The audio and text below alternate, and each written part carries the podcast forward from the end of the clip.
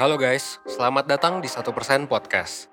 1% adalah startup life school terbesar di Indonesia yang berfokus pada isu kesehatan mental, pengembangan diri, dan edukasi life skill. So, basically 1% itu ngajarin gimana caranya agar lo bisa belajar dan berkembang menjadi lebih baik, seenggaknya 1% setiap harinya, menuju hidup seutuhnya. 1% Podcast adalah podcast yang ngebahas beragam hal menarik yang mengacu pada kurikulum 1%. Mulai dari fundamentals and basic skills, basic mental and physical problems, self-knowledge, relationship, karir dan produktivitas, filosofi, dan juga pop culture. Pada setiap subtopik yang ada, nantinya itu semua akan dibahas oleh hostnya masing-masing. Dan juga akan dibicarakan sama founder, mentor, psikolog, dan juga pakar yang expert dalam bidangnya. Lo semua bisa ngedengerin 1% podcast via Spotify, Google Podcast, Apple Podcast, YouTube, dan juga berbagai platform podcast lainnya. So, don't miss out and stay tune karena setiap harinya kita bakalan upload di jam 10 pagi. And that's all, enjoy 1% podcast.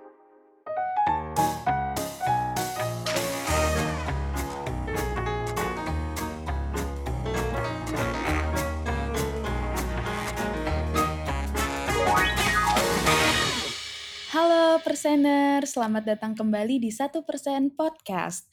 Balik lagi sama Miralda di sini sebagai host podcast kalian hari ini. Gimana nih kabarnya para Persener? Semoga kalian baik-baik aja ya dan semangat menjalani keseharian kalian masing-masing.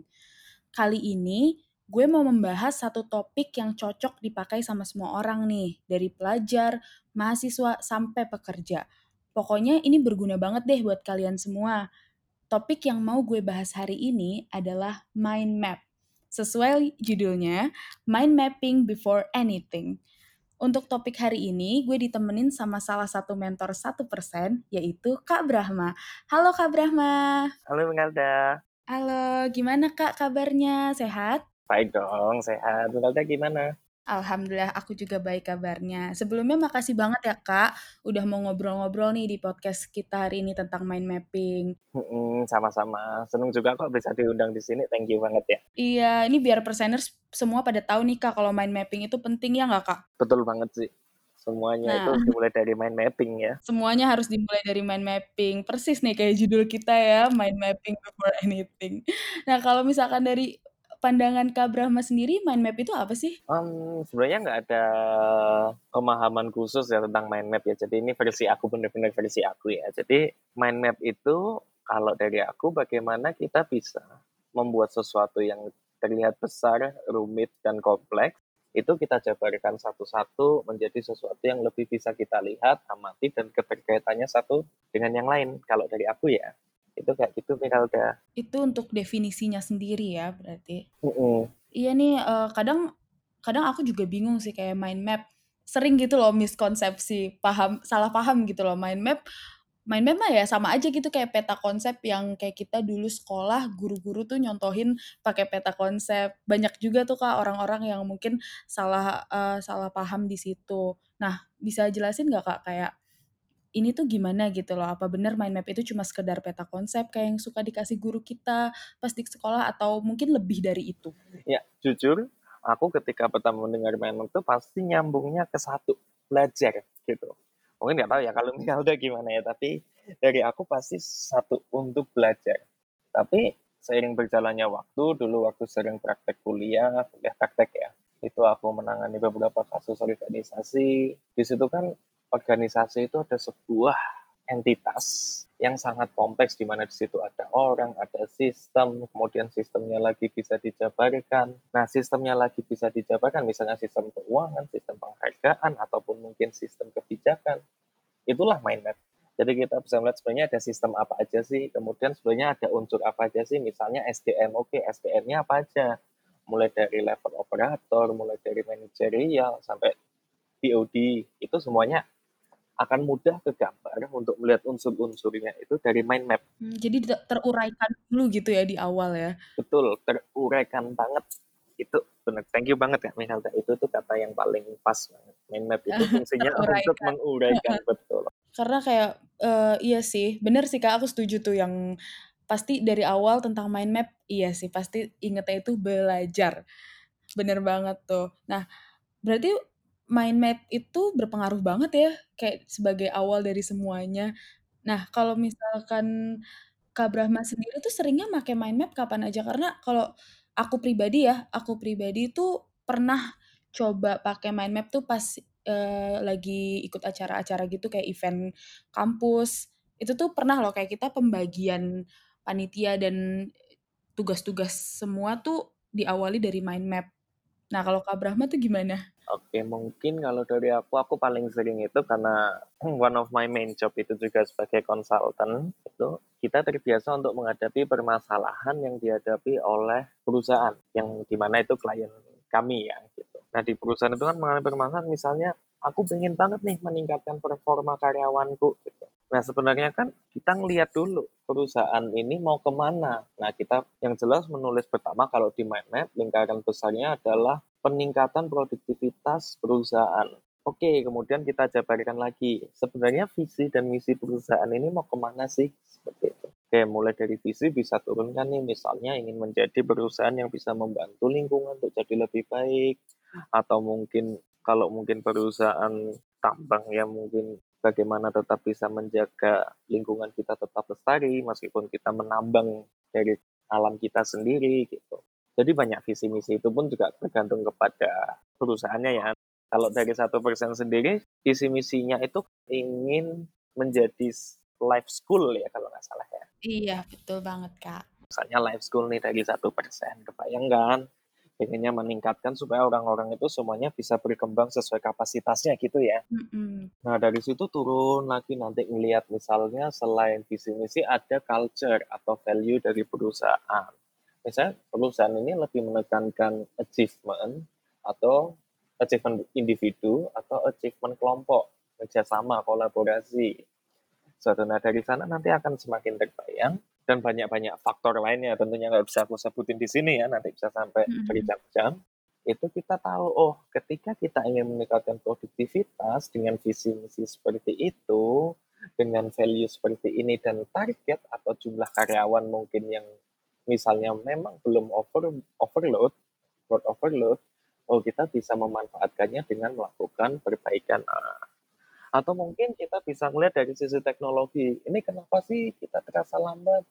Oh ternyata kita selama ini sistem pencatatannya kalau dari sistem misalnya dari HR dulu baru ke legal dan itu semuanya terpisah, nggak terintegrasi, otomatis lama kan karena nanti dari HR akan Iya. mengasihkan dulu, terus dari hukum nanti ngasihkan ke HR, HR ngupdate ke sistemnya sendiri gitu.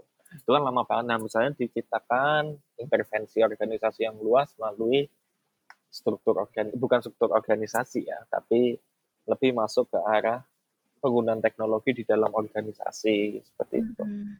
Itu kalau dari pekerjaan yang sehari-hari aja. Tapi di sini juga kan sering jadi project manager. Nah, di project manager juga kita ngelihat, oke, okay, aku akan melakukan pekerjaan A. Nah, pekerjaan A ini nanti akan melibatkan siapa saja sih? Itu aku gambarkan dulu semuanya. Kemudian, oke, okay, kita sudah menggambarkan semua orang-orangnya. Misalnya orang A ini nanti dalam project ini pekerjaannya apa gitu. Dan mind map ini biasanya saya gabungkan juga dengan pembuatan timeline. Jadi istilahnya apa ya? Pernah tahu nggak lah kalau istilahnya apa? Uh, timeline tuh berarti kayak kita tahu ya kapan kita harus ini, kapan kita harus betul, itu betul. sesuai gitu. Uh -uh. Ya itu kita kita aku sandingkan sama itu. Jadi udah kelihatan masing-masing orang itu akan melakukan apa dan menjaga juga timelinenya apakah masih on track atau off track. Ketika off track nanti mm -hmm. akan membuat lagi cabangnya. Oh ini off track. Apa yang harus aku lakukan supaya bisa on track lagi? Atau aku harus memberikan pengertian nih kepada orang lain bahwa kita nggak bisa on track karena ada faktor yang mungkin nggak bisa kita kontrol nih kayak COVID misalnya ya. Iya. Itu kan nggak bisa kita kontrol sih kalau itu. Orang-orang pasti juga katanyain COVID pasti ah COVID bikin aku di rumah terus bosan. ya tapi daripada lepas ke mana-mana gitu itu deh kalau dari aku jadi pertama untuk menganalisis masalah yang rangkum ya tadi menganalisis masalah yang kedua untuk project planning seperti itu yang paling sering aku pakai sih di dalam mind mapping ini gitu. Oh wow, uh, uh, jadi wah aku jadi tercerahkan nih Kak, jadi tahu nih karena bener tuh yang kayak kita omongin di awal mind mapping. Pasti tuh kita bakal salah pahamnya cuma ke peta konsep, belajar, belajar dan belajar padahal tuh banyak banget gitu loh hal yang bisa dilakuin yang diawali juga dari mind mapping itu ya, Kak? Betul sekali, mind mapping apa tadi? Mhm. Mind mapping before anything. Mind mapping before anything, pas banget kan tuh Iya judulnya. sih, betul banget. Heeh, berarti banyak banget ya manfaatnya, bukan cuma sebagai siswa atau ih bukan hanya pelajar atau mahasiswa aja gitu loh, tapi kayak pekerja kayak Kak Brahma sendiri dan juga pebisnis juga ya, Kak? Betul betul. Untuk memulai bisnis itu sendiri tuh, dengan metode mind mapping tuh juga bagus loh, guys. Mhm, berarti banyak banget tuh ya manfaat penggunaan mind map, kayak lebih lebih prepared, kayak yang tadi juga apa tuh, katanya teruraikan, kita lebih tahu jelas juga alurnya gimana, timeline-nya juga gimana, apa masih on track atau enggak, itu ya manfaat-manfaat dari penggunaan mind map, ya bener nggak, Kak? Betul sekali. Pokoknya kata kunci kita hari ini uraian ya, menguraikan Iya. gitu nah pokoknya kata kit kunci kita hari ini Kata kuncinya itu ya, penguraian ya. Nah, eee, kan karena kalau misalkan kita udah nggunain mind map nih, Kak, bener nggak sih kalau aku ya, kalau aku sendiri nangkepnya itu, kita tuh kok jadi lebih tahu gitu kan, kayak yang tadi udah aku bilang tentang alurnya lah gimana, eee, perintilannya atau apanya, dan kalau misalkan pandanganku sih kalau misalkan kita nggak buat mind map tuh, jadi lebih kebingungan gitu nggak sih? Kayak nggak nemu sumbernya di mana, goals-nya apa, hal-hal pendukungnya apa. Betul banget, Kak Miralda.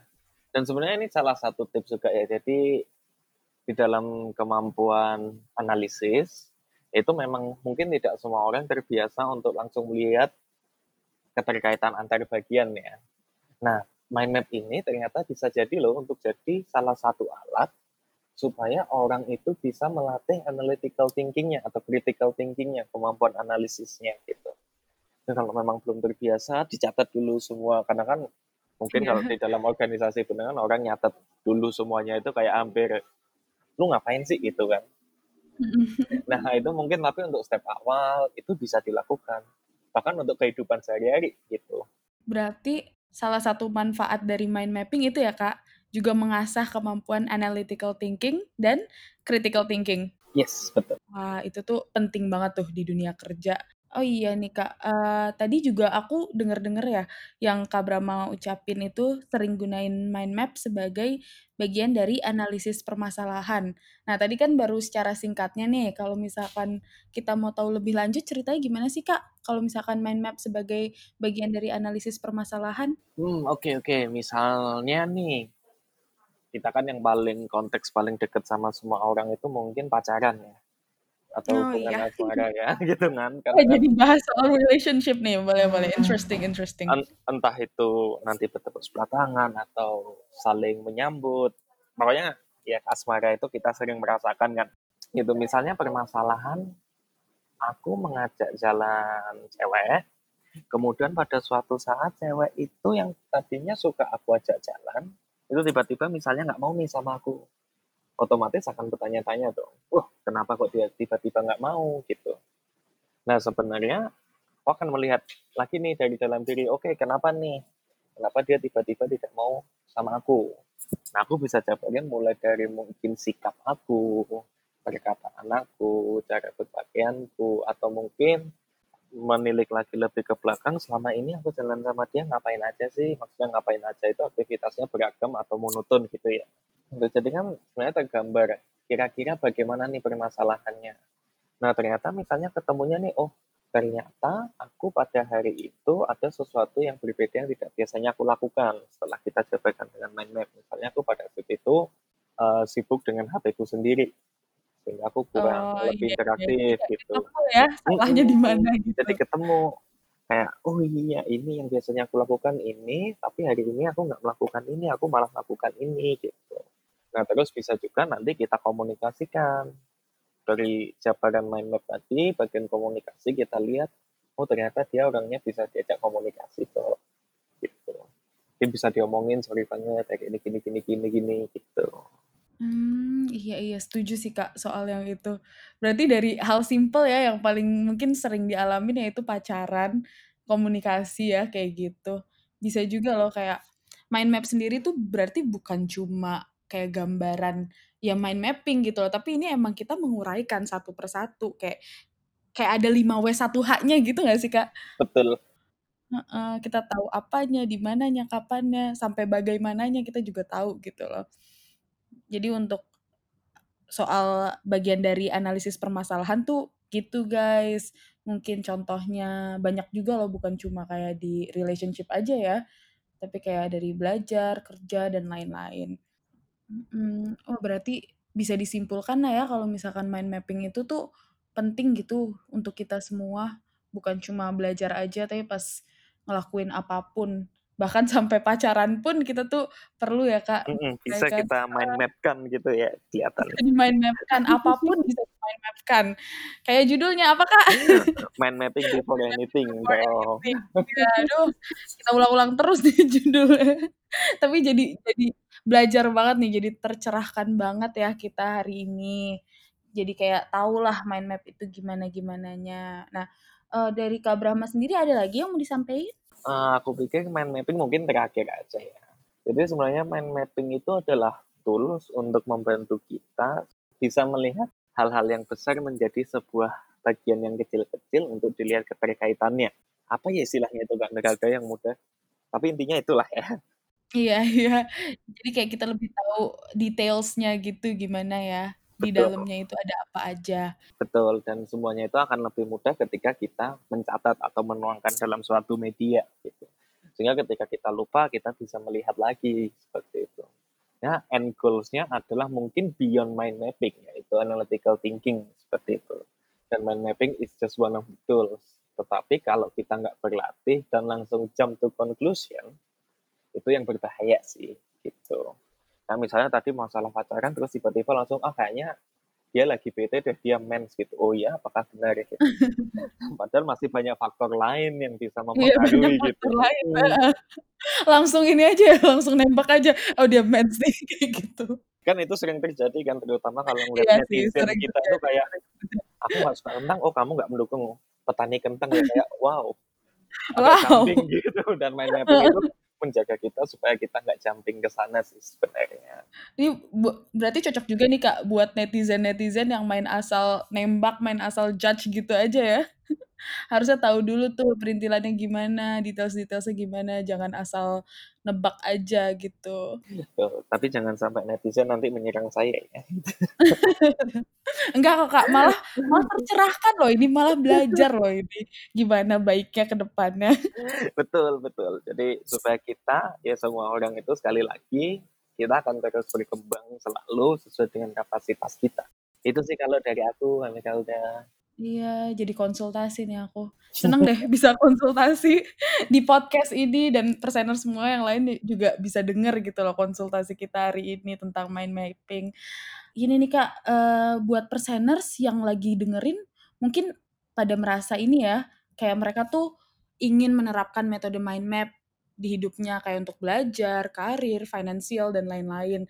Nah, kalau yang mau tahu tips and tricks lebih lanjut atau mau lebih private lagi, boleh juga ya Kak ikut online mentoring di 1%. Bisa juga loh ngobrol langsung pribadi sama Kak Brahma sendiri atau bareng mentor-mentor lainnya, ya Kak? Bisa banget dong. Selain mentoring kita bisa apa aja sih Kak? Oke, selain mentoring mungkin sebenarnya kita bisa konseling juga dengan para psikolog, terus kita juga punya online class, punya webinar, gitu ya Kak Michelda ya. Mhm, iya tuh buat yang kalian yang pengen tahu lebih lanjut, bisa ya, bisa banget cek infonya di Instagram @1%official.